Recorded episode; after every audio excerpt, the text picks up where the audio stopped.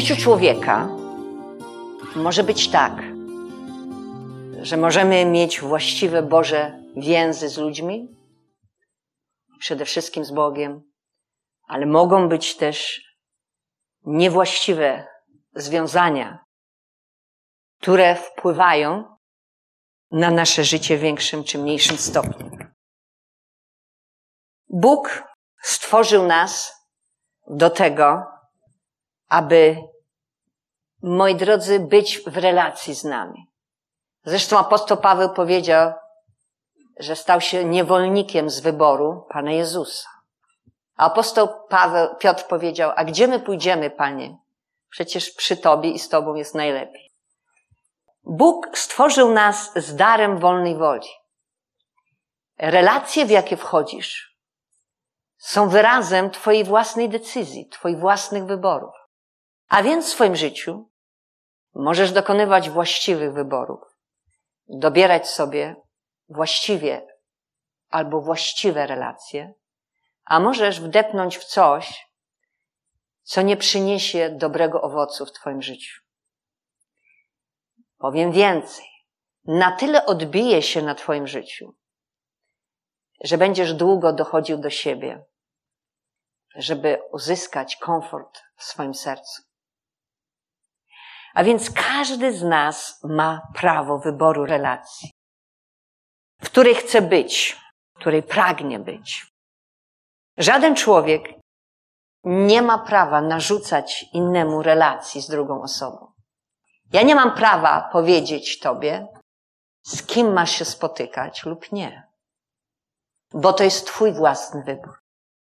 Ja mogę powiedzieć swoje zdanie na temat osoby, którą znam albo na temat osoby, którą Bóg objawia mi rzeczy o niej. Ale to jest wszystko, co ja mogę zrobić. Więc właściwe relacje przynoszą nam rozwój. Kiedy wchodzisz we właściwe relacje, twoje życie się zmienia. Kiedyś postrzegano ciebie jako człowieka smutnego, przygnębionego, sfrustrowanego, znerwicowanego, który stronisz wręcz od relacji z drugim człowiekiem.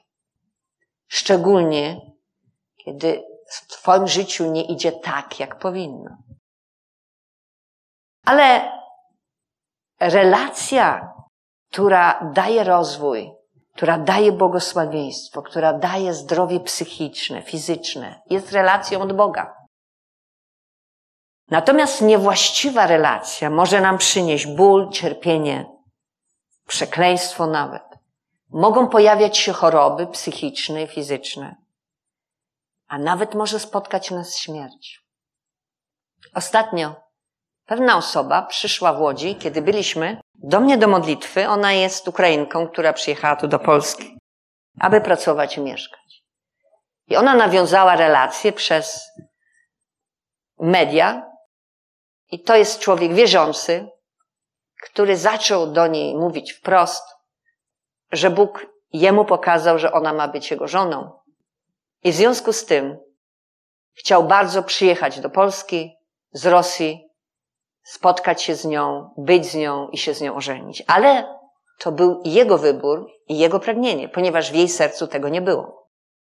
Kiedy ona mu mówiła, że ona widzi tą relację jako przyjacielską, on widział tę relację inaczej, jako coś głębszego jako przyszły związek. Ale on nie chciał słuchać tego, co jej serce dyktowało odnośnie tej relacji. On myślał tylko i wyłącznie o sobie. Kiedy ona nie zgodziła się z tym, on zaczął wypisywać różne e-maile i SMS, gdzie bardzo źle zaczął się wyrażać o niej, o różnych rzeczach, i było to dla niej bardzo frustrujące. I ona zadała mi takie pytanie. Co ona powinna w tej sytuacji zrobić? A ja jej powiedziałam, w oparciu o Słowo Boże, powinna, powinnaś odciąć się od tej niezdrowej relacji. Ponieważ nikt nie może wymuszać na drugim człowieku, że ktoś ma z kimś być. Kiedy wchodzimy w relacje damsko-męskie, które przynoszą nas do przymierza małżeńskiego, powinniśmy obojga, dwoje z nich, mieć to samo w sercu. Tutaj wybór relacji, moi drodzy, w które wchodzimy, zależy tylko od naszych decyzji. Jeśli wejdziesz w złą relację, w świecie mówią tak, jak pościelisz, to tak będziesz, tak się wyśpisz, tak? Ja nie wiem jak ty, ale ja lubię się wyspać. Jestem bardzo niezadowolona, kiedy nie mogę spać. Więc w życiu potrzebujemy patrzeć trzeźwym umysłem, którym Bóg nas obdarował w Chrystusie, na rzeczy, które mają miejsce w naszym życiu. Mamy potrójną naturę, tak mówi zresztą Słowo Boże. Jesteśmy duchem, którym łączymy się z Bogiem oraz duchem innej osoby. Mamy duszę, która zawiera w sobie umysł, emocje i wolę, poprzez którą wchodzimy w związki emocjonalne z innymi osobami. I mamy ciało, w którym żyjemy, przez które spełniamy nasze potrzeby i pragnienia oraz którym porozumiewamy się z innymi osobami. Między innymi w związku małżeńskim jest bardzo istotną rzeczą dotyk. Dotykiem mówimy jeden do drugiego. Zresztą nasze ciało potrzebuje gestu miłości. Tak samo sposób, w jaki komunikujemy naszym językiem. Czy jest to łagodny język, który łamie kości? Czy to, co chcemy przekazać osobie, jest w łagodnym duchu, w miłości. Bożej miłości. I to jest bardzo istotne. Sposób, w jakim wyrażamy prawdy, które chcemy przekazać, i sposób, jaki wyrażamy myśli nasze, które chcemy przekazać, i sposób, jaki się wyrażamy. Ponieważ wtedy osoba, do której komunikujemy, jest w stanie to przyjąć. W związku z tym widzimy, że nasza postawa wobec drugiej osoby bardzo wpływa na ile relacje mogą się między nami rozwinąć. Nie lubimy być oszukani, ponieważ człowiek oszukany stawia większy opór niż zamek. Boimy się odrzucenia, ponieważ wpływa to na nasze życie w ten sposób, że zaczynamy mieć problem z poczuciem wartości własnej. Albo mamy mieć, wtedy mamy problem, albo możemy mieć problem wejście w następną relację. Stajemy się zbyt ostrożni, podejrzliwi, ponieważ nie chcemy być kolejny raz odrzuceni. Bóg pragnie, pełnego uświęcenia i oddzielenia dla Boga naszego życia. Jeśli jestem człowiekiem zrodzonym z Ducha Bożego, pewnego dnia oddając życie, które było moją własnością w ręce samego Pana Jezusa,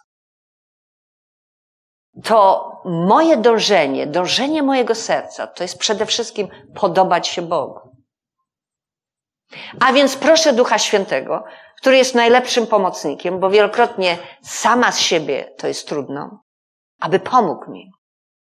Ponieważ ja pragnę podobać się Jezusowi. Żyjąc dla Jezusa i z Jezusem, ja pragnę się Jemu podobać. To tak, jak zależy Ci na kobiecie, którą spotkałeś, która Ci się spodobała. I robisz wszystko, żeby tej kobiecie się podobać. I vice versa. I w ten sposób zbudować więź.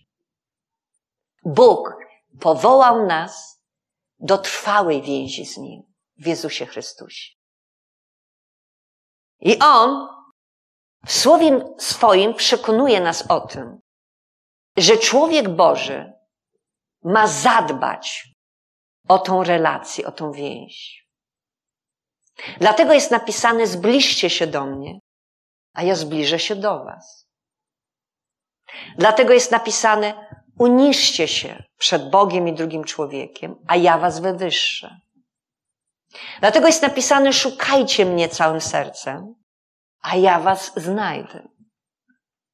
A więc Paweł mówi, że ja już nie żyję, ale żyje we mnie Jezus Chrystus. I moje życie już nie jest życiem dla siebie samego, ale jest życiem dla Niego, dla Jezusa. Kiedy wchodzisz w związek małżeński, przymierze małżeńskie, ty już nie żyjesz sam dla siebie, ale żyjesz dla tej drugiej osoby. A ta druga osoba żyje dla ciebie. Kiedy przychodzisz na zgromadzenie pańskie, aby wielbić Twojego Boga, nieba i ziemi, Twojego Stwórcę, Ty przychodzisz, aby spotkać się z Nim i spotkać się z braćmi siostrami w Chrystusie, jako rodziną Bożą. Więc żyjesz dla Boga, żyjesz dla swojej żony, męża, żyjesz dla dzieci, to znaczy dla swojej fizycznej rodziny, ale żyjesz też dla duchowej rodziny, która ma Ciebie wspomagać, uzupełniać swoje braki. Po to tu jesteś. Jesteś dla Jezusa i jesteś dla innych. A więc Bóg nie stworzył Cię do tego, abyś był sam. Abyś zamknął się i był sam. Chyba, że na pewien czas Boże Słowo mówi o komorze, kiedy spędzasz czas sam na sam z Bogiem. W związku z tym, powo- powołani jesteśmy do bycia więzi. Dzisiejszy temat ograniczę do więzów duszy. Relacje zawsze prowadzą do emocjonalnych więzi dusz. Kiedy moja siostra wyszła za mąż i została w obcym kraju, ja wróciłam do domu i ja poczułam nagle niesamowitą pustkę w moim domu. Ja nie mogłam się do tego przyzwyczaić. Wydawało mi się, jakby ktoś mnie wyrwał rękę. Ponieważ nawet jeśli ona wyjeżdżała, ja wiedziałam, że ona będzie wracać. A tutaj zbyt duża przestrzeń i inne ograniczenia, że jej widzenie twarzą twarz będzie bardzo rzadkie. Musiałam to zaakceptować, wolę Boga, ale wcale nie było mi z tym łatwo. Ludzi, z którymi budujemy więź, ona coraz bliższa staje się naszemu sercu. I my tak naprawdę tęsknimy za nimi, jeżeli my ich dłuższy czas nie widzimy. Ponieważ to jest naturalna kolej rzeczy. Byłoby nienormalną rzeczą, kiedybyśmy za nimi nie tęsknili. A więc mamy emocjonalne więzi w rodzinie. Mąż, żona, rodzeństwo między sobą, rodzice z dziećmi, rodzina z dalszą rodziną. Mamy emocjonalne więzi w kościele, brat, siostra w Chrystusie. Posługiwanie w służbach, wspólne wyjazdy misyjne, wspólne wyjazdy na modlitwę. Mamy emocjonalne więzi w szkole, na uczelni, w pracy. Mamy emocjonalne więzi powstałe, na przykład jedziesz na urlop, kogoś spotykasz i na wyjazdach. Każda więź duszy ma swój poziom. Najgłębszy poziom więzi istnieje w rodzinie. Nazywamy to więzami krwi. W piątej Mojżeszowej, dwunasty rozdział, dwudziesty trzeci werset jest napisany, wystrzegaj się tylko, aby nie spożywać krwi, gdyż krew to dusze, a nie będziesz spożywać duszy wraz z mięsem. W krwi jest życie. Krew to dusza. A więc te więzi mąż, żona, dzieci, rodzeństwo są bardzo głębokie. Więzy krwi to są. Ale mamy takie więzy, które istnieją pomiędzy przyjaciółmi. I czytamy w pierwszej Samuela 18.1. Dusza Jonatana przylgnęła do duszy Dawida. Umiłował go Jonatan jak siebie samego. A więc to są przyjacielskie y, więzy. Przyjaciel możemy nazwać takiego człowieka, przyjacielem, który jest z nami na dobre i na złe, który w wielu sytuacjach życiowych sprawdził się. Nie zostawił nas, nie odrzucił nas, zaakceptował nas w tych naszych słabościach i niemocach. Był dla nas wsparciem. Wychodził z tym wsparciem dobrowolnie. Była wielokrotnie to i jest jego inicjatywa. Przyjaciel to jest człowiek, któremu możesz powierzyć swoje sekrety. Możesz podzielić się z nim swoim sercem. Możesz podzielić się z nim tym, co przeżywasz na co dzień, z Bogiem, z innymi. I wiesz, że on nie zrobi z tego sensacji, nie zrobi z tego plotki, ale będzie modlił się o te rzeczy, będzie ci doradzał, będzie cię wspierał. Że on cię nie pozostawi tak samemu z tym problemem. I w związku z tym mówimy również o więziach w narzeczeństwie. W Starym Testamencie, kiedy człowiek był zaręczony, oznaczało to, jakby już był mężem i żoną. Że ta osoba jest ogłoszona, jest w relacji, w więzi z drugą osobą i w tym czasie, dopóki jest w narzeczeństwie, nikt nie powinien się nią interesować. Ani ta osoba nie powinna się interesować inną osobą.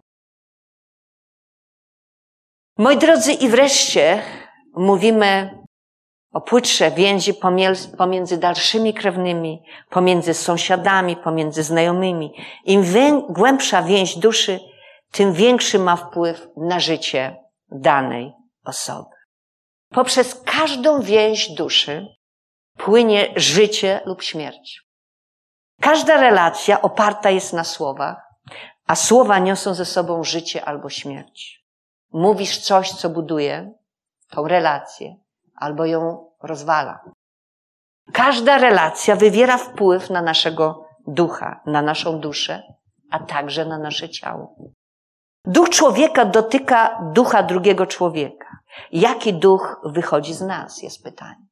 Dlatego Słowo Boże mówi, jeśli wchodzicie w związki małżeńskie, a jesteś człowiekiem nowonarodzonym, potrzebujesz wejść w związek małżeński z człowiekiem również nowonarodzonym, bo jest to więź ducha do ducha. Jeśli w Twoim duchu ludzkim zamieszkał Jezus, a w drugiej osobie jeszcze nie, może być konflikt duchowy pomiędzy tymi dwoma osobami. Ale Bóg tego nie chce. I w związku z tym, duch człowieka, dotykając ducha drugiego człowieka, ma moc go budować. Każdy duch ma wpływ na duszę drugiej osoby, na stanie umysłu, stanie emocji i woli. Pamiętam pewną historię, że osoba weszła w związek małżeński, ona była wierząca, ale jej mąż dla tej osoby się nawrócił, to znaczy wyznał Jezusa ustami, ale jego życie nie było przemienione. Po jakimś czasie ona miała duży problem w tym związku, ponieważ jej mąż źle ją traktował, pogardzał nią, molestował psychicznie, a czasami nawet fizycznie, na oczach dziecka. Nie mogąc już tego znieść, ona decyduje się na separację. A potem, moi drodzy, decyduje się na rozwód, ale do tego nie doszło. Po dłuższym okresie czasu, kiedy już wzmocniona została przez Boga i ludzi wokół niej, dochodzi do wniosku, że jednak będzie wracać do swojego byłego męża. On ma problem alkoholowy, problem narkotykowy. Nie za bardzo chce leczyć się, ale jest więź. Chociaż byli odseparowani, ponieważ ze sobą współżyli, ponieważ ze sobą żyli. Jej część duszy pozostawała ciągle w duszy tego człowieka. A ona, a część jego duszy pozostawała w jej duszy. Chociaż byli oddzieleni, ale byli ciągle w więzi. Moi drodzy, w związku z tym, kiedy ona wróciła do tej relacji, co wróciła, ponieważ nie była w stanie być sama i nie była w stanie żyć bez tej osoby. Wracając do tej relacji, ona nadal niedobrze czuje się w tej relacji. A więc tą część duszy trzeba było prosić aniołów, aby zostało zabrane z jego duszy i wróciło do jej duszy, a część duszy jego, żeby zostało zabrane z jej duszy i wróciło do jego duszy. Ponieważ było ciągle związanie pomiędzy, duchowe pomiędzy tymi dwoma osobami. Bóg nie chce rozwodu. Ale są momenty, kiedy jesteś zdradzany albo fizycznie molestowany, co zagraża życiu. I wtedy z rozsądku ludzie rozstają się. Ale pomimo, że się rozstają, pamiętajmy, że potrzebna jest jeszcze modlitwa, aby w duchu oddzielić te osoby. Boże więzi duszy to te, które są zgodne z Bożą wolą dla naszego życia. Bóg w swojej mądrości zaplanował dla każdego człowieka właściwe relacje w jego życiu. Aby człowiek mógł odkryć i wypełnić swoje, e, swoje powołanie i przeznaczenie. Bóg do życia każdego z nas ma tą jedyną osobę. Nie mając Ducha Bożego, ponieważ nie byłeś człowiekiem nowonarodzonym, jak mogłeś rozpoznać, że to jest ta osoba? Tylko Bóg wie, która osoba jest właściwa dla ciebie. Więc wielokrotnie w tym starym życiu, gdzie nie byliśmy jeszcze dziećmi Bożymi, tak jak mówi Słowo Boże, popełnialiśmy błędy, pomyłki. Dlatego wielokrotnie takie małżeństwa nie miały racji bytu. Dlatego mamy tyle rozwodów. Ale każde małżeństwo to nie jest tylko to, że Bóg daje ci podarek, męża i żony. To nie jest tylko prokreacja, że macie dzieci. Ale każdy partner w małżeństwie jest powiązany Bożą więzią, aby wypełnić Boże przeznaczenie w swoim życiu. Razem ze swoim partnerem. Bo jeden jest napisane przegoni tysiąc, a dwóch dziesięć tysięcy. Dwóch ludzi jest w stanie bardziej być efektywnym w działaniu, jeśli są w zgodzie w ich sercu, niż człowiek samotny.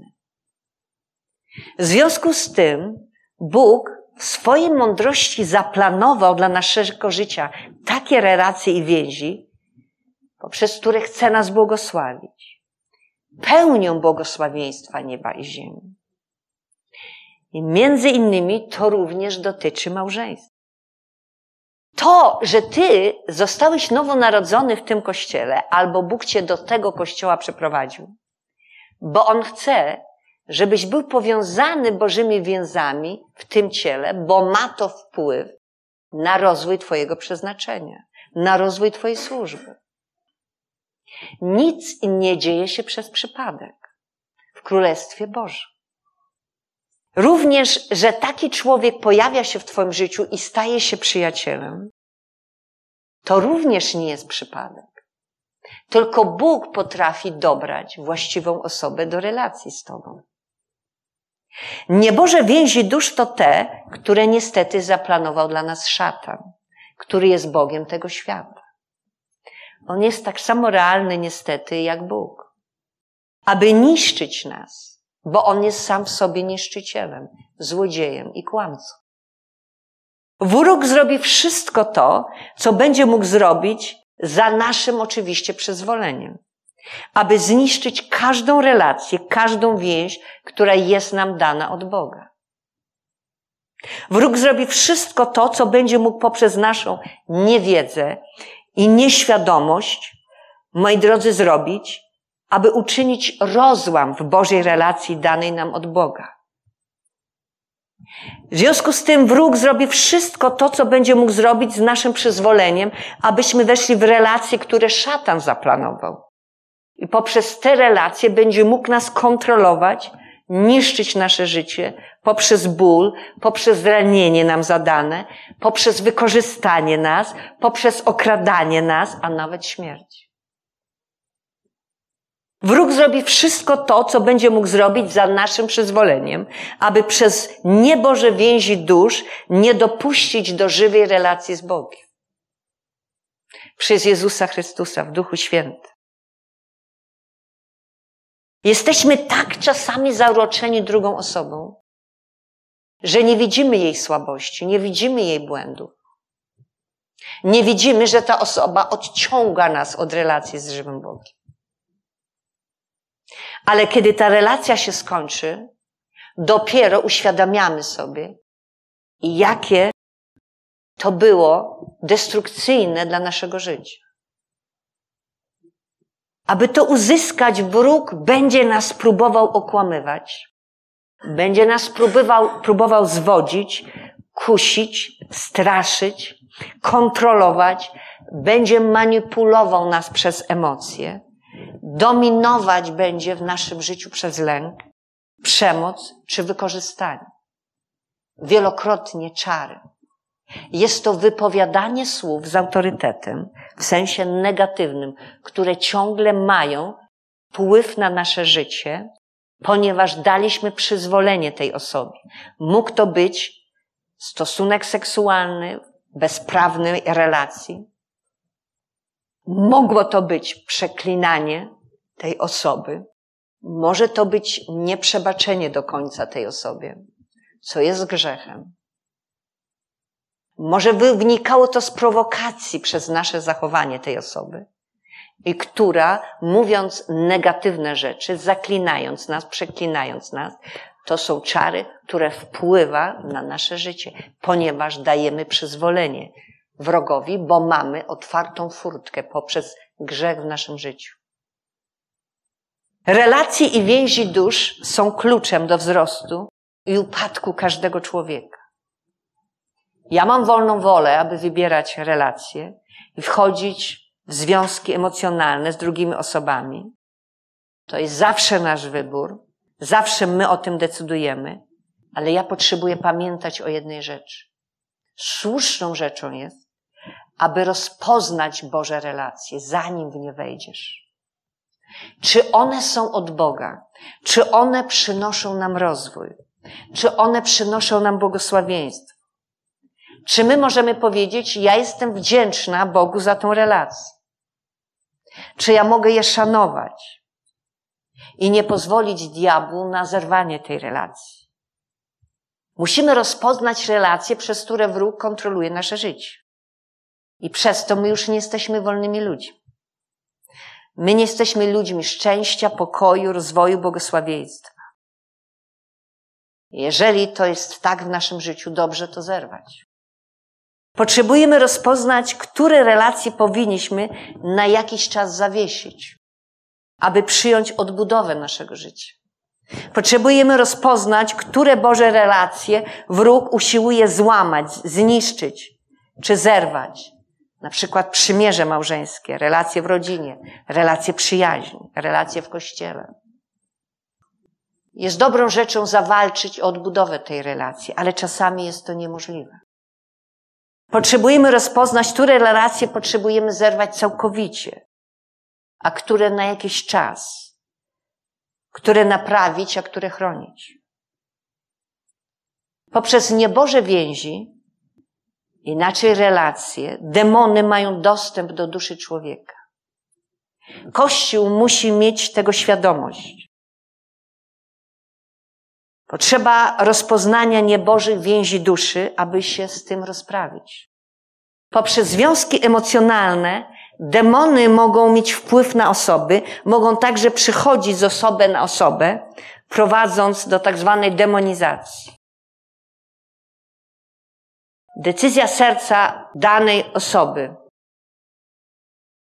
moi drodzy, jako przecięcie danej relacji często nie dochodzi do tego, ponieważ ma lęk w życiu, że zostanie sama, a może jednak w tym był Bóg, Żeby móc przeciąć tą niewłaściwą relację, potrzebujemy pokutować szczerze do Boga. Potrzebujemy zastanowić się, czy ta relacja wprowadza nas w grzech. Potrzebujemy przebaczyć tej osobie i sobie samej za to, że doprowadziliśmy się do takiego stanu. I potrzebujemy czasami przeciąć tą pępowinę, duchową pępowinę, żeby móc być szczęśliwymi w życiu z osobą, którą Bóg nam daje do relacji. A więc łamanie niebożych więzi jest kluczem do naszego uwolnienia i uzdrowienia. W małżeństwie nie może być tak, że mężczyzna będzie achabem, będzie miał bierną postawę, a kobieta będzie prezentowała ducha Izabel, będzie rządzącą, ponieważ mężczyzna ma być kapłanem w domu. Pomiędzy rodzicami a dorosłymi dziećmi czasami nie jest przecięta pępowina z matką i ojcem i ciągle jest ta nadopiekuńczość, która przeradza się w kontrolę, ma wpływ na związki małżeńskie, na to, że ludzie ze sobą niestety muszą zerwać relacje. Bo ty jesteś taki mamusi synek, albo ty jesteś taka mamusi, tatusia córeczka. Pomiędzy partnerami seksualnymi wzrok widzimy, dotyk, stosunek seksualny. Jeżeli poprzez akt seksualny relacja stała się niebożym związkiem, zarówno przed, jak i poza małżeństwem, wynikiem to jest grzechu cudzołóstwa. Musimy pokutować z tego grzechu, zaniechać tych rzeczy do momentu przymierza małżeńskiego. W rodzinie, w której widoczne jest pokoleniowe przekleństwo, sprowadzające w życie w grzech, życie w grzechu, choroby psychiczne, fizyczne, ubóstwo duchowe i materialne, śmierć, Potrzebujemy złamać to przekleństwo do dziesiątego pokolenia i moc kary w modlitwie. Pomiędzy osobami stosujemy, które stosują nadużycie, wykorzystanie lub przemoc fizyczna, na przykład napaść. My potrzebujemy zerwać te relacje, ale potrzebujemy wewnętrznego uzdrowienia pod. Z osobą zmarłą dotyczy to osób, którą mieliśmy bliską więź. Kiedy moi rodzice zmarli, szczególnie pamiętam mama, ja często chodziłam na cmentarz przez pierwsze miesiące. To jest normalnie, że my mamy żałobę. A jeżeli to się ciągnie już długi okres czasu, to już nie jest normalne. Przychodzisz, chcesz rozmawiać ze zmarłym, to nie jest dobre. Bo z duchami zmarłych się nie rozmawia, nie szuka się relacji. To jest nieboże, niebiblijne. I w związku z tym My potrzebujemy tą więź, moi drodzy, prosić, aby Bóg nas uwolnił z tej rozpaczy, smutku, przygnębienia, jeśli to będzie trwało długo w czasie. Uwolnienie od demonów, które stały za daną niebożą więzią. Moi drodzy, wystąpienie przeciwko mocom ciemności to jest użycie władzy i autorytetu Jezusa Chrystusa. Musimy nakazać tym demonom opuścić, wyjść i nie wracać. Potrzebujemy prosić Ducha Świętego, aby te miejsca po wyjściu tych demonów wypełniły się Bożą miłością. Musimy prosić Ojca w imieniu Jezusa, aby to rozczłonkowanie naszej duszy, żeby te części naszej duszy wróciły od partnerów, od tych więzi bezprawnych, które mieliśmy, do nas z powrotem. Potrzebujemy być cierpliwi w przebaczeniu, w odpuszczeniu, ale również wierzyć Bogu, że On ma moc do końca nas z tego uwolnić. Ale to jest czas, to jest proces. Potrzebujemy, moi drodzy, dokonywać wszelkich wyborów wolności na podstawie prawdy Słowa Bożego, która ma moc nas uwolnić. Potrzebujemy sprzeciwić się wrogowi i wrócić z powrotem w relację z Bogiem. Słowo Boże mówi w liście do Jakuba, owszem, większą okazuje łaskę, gdyż mówi, Bóg się pysznym przeciwstawia, a pokornym daje łaskę. Przeto poddajcie się Bogu, przeciwstawcie się diabłu, a od was ucieknie. Zbliżcie się do Boga, a zbliży się do was. Oczyście swoje ręce grzesznicy. Oczyście swoje serca ludzie o rozdwojonej duszy. Ale powiedzieliśmy, że Bóg chce też zdrowych więzi duszy. I za tym stoi. Moi drodzy, dzisiaj przeczytaliśmy już fragment dotyczący Dawida i Jonatana. Otwórzmy, moi drodzy, pierwszą Samuela, osiemnasty rozdział. Słowo Boże mówi, a gdy dokończył rozmowy z Saulem, pierwszy 18.1, dusza Jonatana przylgnęła do duszy Dawida i umiłował go Jonatan jak siebie samego. I zawarli w trzecim wersecie. Jonatan z Dawidem związek przyjaźni, ponieważ umiłował go jak siebie samego.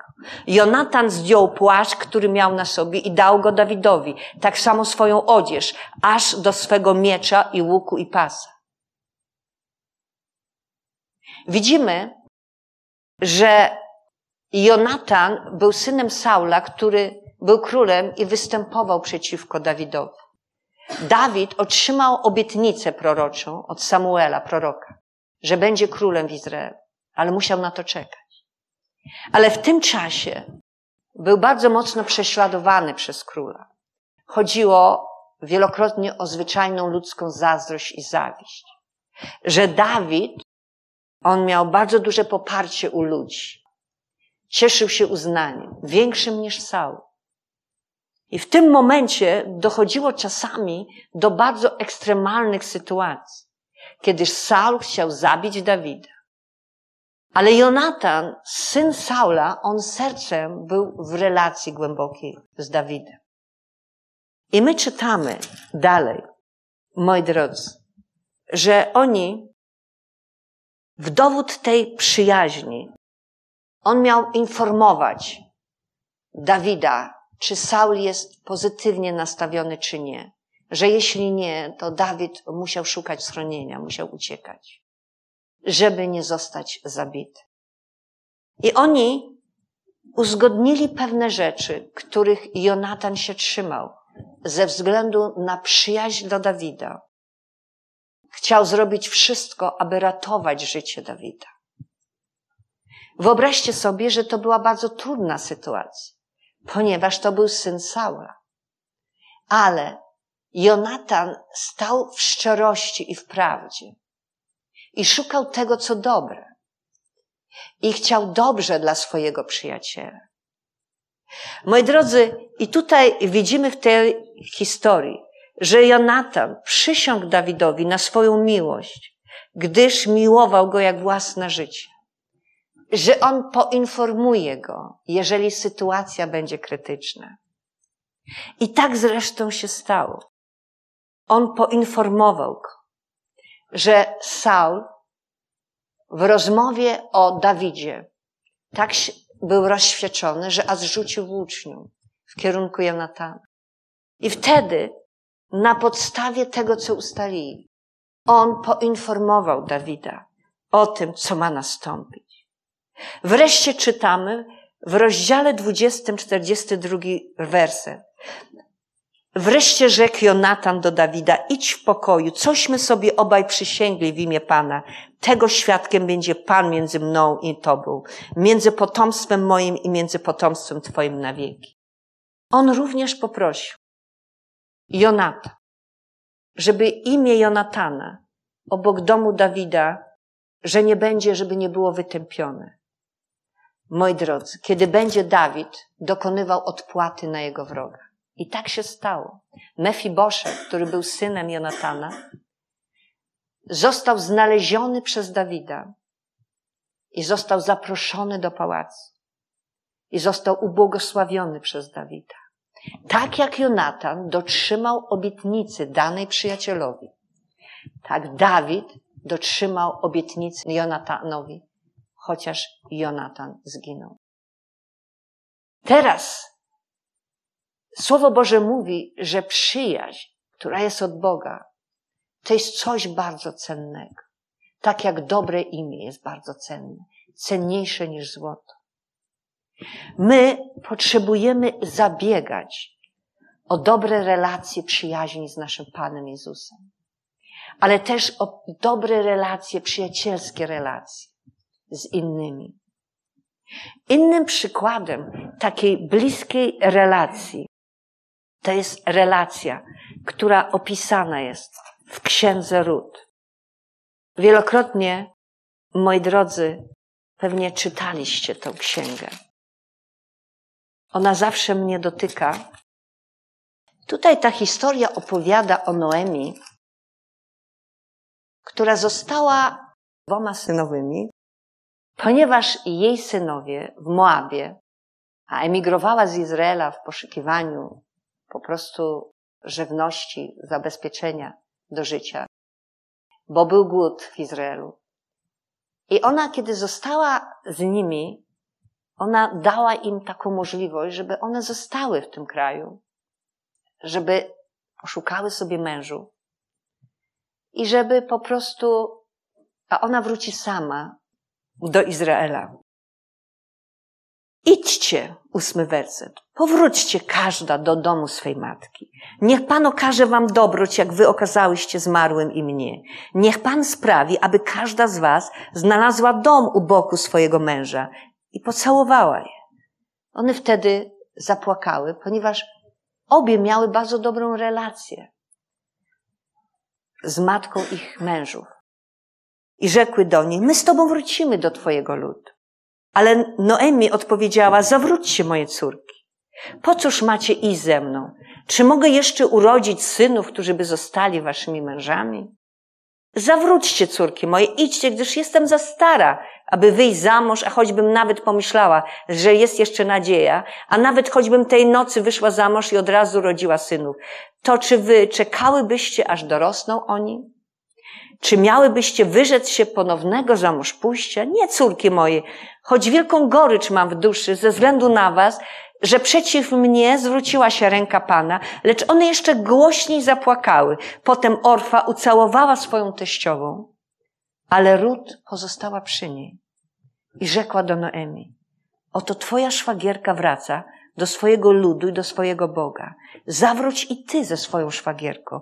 Ale Rut odpowiedziała, nie nalegaj na mnie, abym cię opuściła i odeszła od ciebie. Albowiem dokąd ty pójdziesz i ja pójdę, gdzie ty zamieszkasz i ja zamieszkam. Lud twój, lud mój, a Bóg twój, Bóg mój. Gdzie ty umrzesz, tam ja umrę i tam pochowana będę. Niech mi uczyni Pan cokolwiek zechce, a jednak tylko śmierć odłączy mnie od ciebie. Noemi, widząc postawę jej serca, że tamta przy tym obstaje, aby iść z nią, zaniechała z nią dalszej rozmowy, perswazji. I gdy obie doszły do Betlejemu, do Betlejemu, przepraszam, powstało z powodu ich na całym, w całym mieście poruszenie. I kobiety mówiły, czy to jest ta Noemi? A ona rzekła do nich, nie nazywajcie mnie Noemi. Nazywajcie mnie Mara, gdyż Wszechmogący napoił mnie wielką goryczą. Ponieważ ona wyjechała ona, moi drodzy, za granicę po to, aby być szczęśliwa. Po to, żeby mieć tam szczęśliwe życie. Ale wraca z goryczą. Bogata wyszłam, a Pan zgotował mi powrót w niedostatku. Dlaczego więc nazywacie mnie Noemi? Skoro Pan wystąpił przeciwko mnie, a Wszechmogący złomi zgotował. Widzicie, i tak powróciła Noemi, jest napisane. I wraz z nią Rut Moabitka, jej synowa, z pól moabskich. Aż przyszły do Betlejemu na początku żniwa jęczmiennego. Ta Rut to była niesamowita kobieta. Ona nie tylko była związana w sensie pozytywnym z Noemi, szanowała ją, respektowała ją, nie chciała zostawić jej w starości. Chciała się nią opiekować. Ona szła do obcego kraju. Izraelici nie przyjmowali dobrze Moabitów. A więc ona szła z przekonaniem, że mogą ją tam spotkać bardzo trudne rzeczy. Że może ją tam spotkać odrzucenie. Ale wiadomo rzeczą, że było trzeba pomóc Noemi. Więc ona mówi, że ona pójdzie i że ona będzie zrywać kłosy. Tam, w miejscach, gdzie ona znajdzie łaskę u ludzi i tam jej pozwolą. I ona poszła i zaczęła zrywać razem z żeńcami, ciężko pracować. Wydali o niej takie świadectwo, że ona w ogóle nie pije, nie robi przerwy i cały czas pracuje. Kiedy Boaz się pojawił, moi drodzy, i pozdrowił żeńców. A Boaz, moi drodzy, był krewnym dalekim, ze strony męża. I wtedy, kiedy on dostał taki raport o tej kobiecie, on powiedział do ludzi, żeby oni nie byli natarczywi dla niej, żeby dobrze ją traktowali i żeby umożliwili jej zbieranie tyle kłosów, żeby ona nie musiała już szukać na innym polu. Czyli od razu ona znalazła łaskę w jego oczach, ponieważ on zobaczył jej postawę. Młoda kobieta poświęca się dla swojej szwagierki, tak? Teściowej, przepraszam. I w związku z tym, moi drodzy, to tak dotknęło jego serca, że on, moi drodzy, zaczął interesować się nią. I to jest takie niesamowite, że zaproponował jej, że na parobcy naczerpią dla niej wody. I ona mówi, padła na kolana, skądże jest to, że ja znalazłam łaskę w Twoich oczach.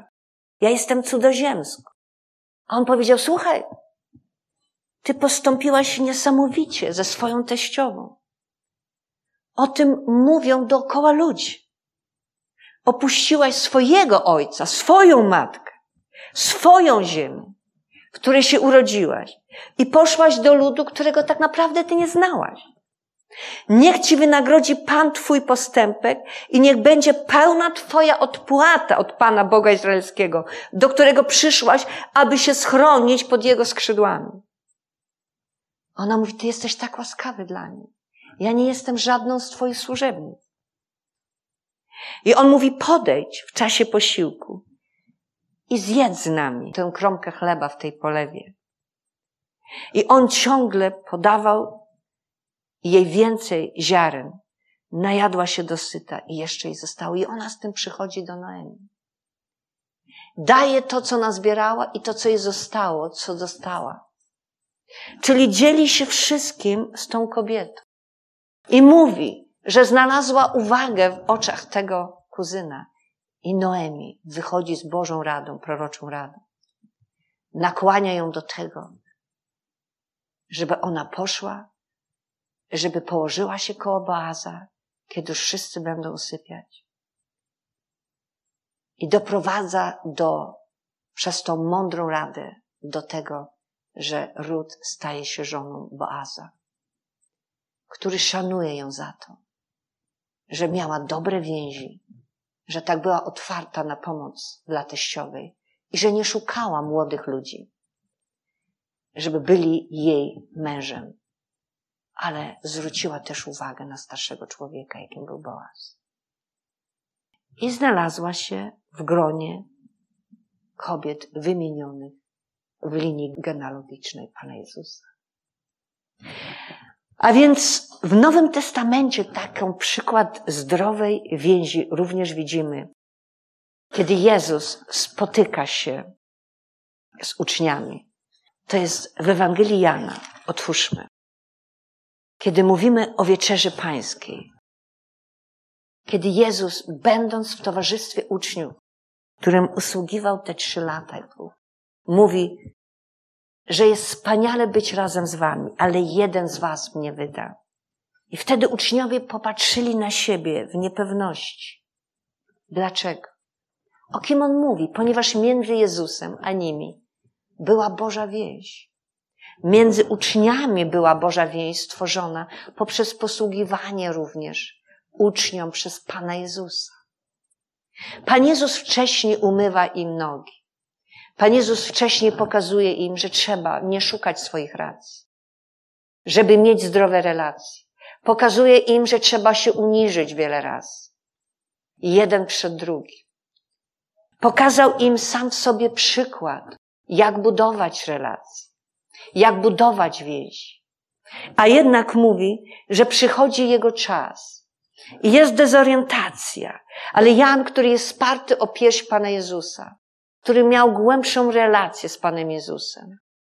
Moi drodzy, pytają się przez Jana, żeby się zapytał Pana Jezusa, kto to taki jest. Ale to był Judasz Iskariota. To jest ten, który umoczy kawałek chleba. To jest ten właśnie. I widzicie, że wśród tych Bożych relacji zaistniała taka trudna sytuacja. Że Bóg musiał ujawnić to, co nastąpi. Że pomimo, że była dobra relacja, jednak w sercu coś, co nazywamy grzechem, chęć, pożądanie finansów, sprawiło, że sprzedał Pana Jezusa za trzydzieści srebrników chęć niezrozumienia pewnych rzeczy i nieprzyjmowania pewnych rzeczy, jeśli chodzi o nauczanie Pana Jezusa. Że Pan Jezus powiedział, że Maria Magdalena uczyniła dobrą rzecz, że wylała olejek nardowy, który tyle kosztował, a nie dano tem, tego ubogim. Kiedy powiedział, że teraz mnie macie, ale już nie będziecie kiedyś mieć. Ona dobrą rzecz uczyniła, że ona mnie uhonorowała. Jedno jest pewne. Judasz Iskariota potem tego żałował i miał takie poczucie winy, że się powiesił, ponieważ stracił więź, która była tak cenna. Jest bardzo łatwo tracić więzi z innymi ludźmi przez pochopne działania, nieprzemyślane działania. Ale Słowo Boże mówi, trzymaj mocno to, co masz i nie pozwól sobie tego wyrwać. Pielęgnuj te więzi. I wreszcie ostatnia więź, o której dzisiaj chciałabym powiedzieć, to jest więź, która oparta jest na uczniostwie. Paweł, jako mistrz, który uczy swojego ucznia Tymoteusza. Jest między apostołem Pawłem i Tymoteuszem. Otwórzmy sobie pierwszy list do Koryntian gdzie jest napisane w ten sposób. Dlatego posłałem do was Tymoteusza, czwarty rozdział 17, który jest moim umiłowanym i wiernym synem w Panu. Ten wam przypomni postępowanie moje w Chrystusie, którego nauczam wszędzie, w każdym zborze. Paweł wyraził się o nim, że jest wiernym, umiłowanym synem w Panu. To są relacje, gdzie mistrz, gdzie nauczyciel inwestuje to, co on ma w życie drugiego człowieka. I my również czytamy w drugim liście do, do Tymoteusza w ten sposób. Jest to trzeci rozdział, dziesiąty werset. Słowo Boże mówi. Lecz ty poszedłeś za moją nauką, za moim sposobem życia. Mówimy, że Paweł mówi o Tymoteuszu. Za moimi dążnościami, za moją wiarą, wyrozumiałością, miłością i cierpliwością. Za moimi prześladowaniami i cierpieniami, które mnie spotkały w Antiochii, w Ikonium, w Liszcze. Jakież to prześladowania zniosłem, a z wszystkich wyrwał mnie Pan. Kiedy jesteś w takiej głębokiej relacji z bratem i siostrą, albo w relacji uczniowskiej, nauczyciel i uczeń. Bóg stwarza pewne zdrowe relacje i dzięki temu Tymoteusz był w stanie wejść w swoje powołanie, ponieważ dał możliwość kształtowania Chrystusa w jego życiu przez Pawła. Paweł kształtując Chrystusa w życiu Tymoteusza również dawał siebie Tymoteuszowi. Pomnażał siebie w życiu Tymoteusza. I dzięki temu widzimy, że jako już, już jako młody człowiek on wchodzi w odpowiedzialną funkcję, jeśli chodzi w Królestwie Bożym do posługiwania innym ludziom. Wielokrotnie, kiedy jeździmy na modlitwy, ludzie pytają się nas, czy my jesteśmy siostrą w sensie rodziny fizycznej. My wcale fizycznie do siebie nie jesteśmy podobne. Ale ludzie widzą w nas podobieństwo, ponieważ widzą w nas więź. Nie zdają sobie może sprawy, o co chodzi. Jest to więź Boża, która powoduje to, że my się upodabniamy do siebie. W tym sensie pozytywnym. Amen. Bracie i siostro, dzisiaj Duch Boży chce nas zachęcić, żebyśmy się budowali razem w oparciu o najświętszą wiarę Chrystusa. Budowali zdrowe, Boże więzi między nami, oparte na przyjacielskich zasadach. Żebyśmy byli wsparciem emocjonalnym i fizycznym jeden dla drugiego. I żebyśmy pielęgnowali te więzi, podlewali te więzi. Przede wszystkim więź z Jezusem Chrystusem. Będąc zniewolonym przez Niego, ponieważ my tego chcemy. Ale też więzi z ludźmi, których Bóg postawił na naszej drodze. Abyśmy byli w stanie zrobić więcej i daleko więcej niż tylko sami. Bądźcie błogosławieni w imieniu Jezusa Chrystusa. O bezprawnych i niezdrowych więzach będziemy kontynuować w następnym spotkaniu. Niech Bóg Was błogosławi. Amen. Na następnym spotkaniu temat ten zakończymy modlitwą o uwolnienie. Dziękuję bardzo. Niech Was Bóg błogosławi w imię Ojca i Syna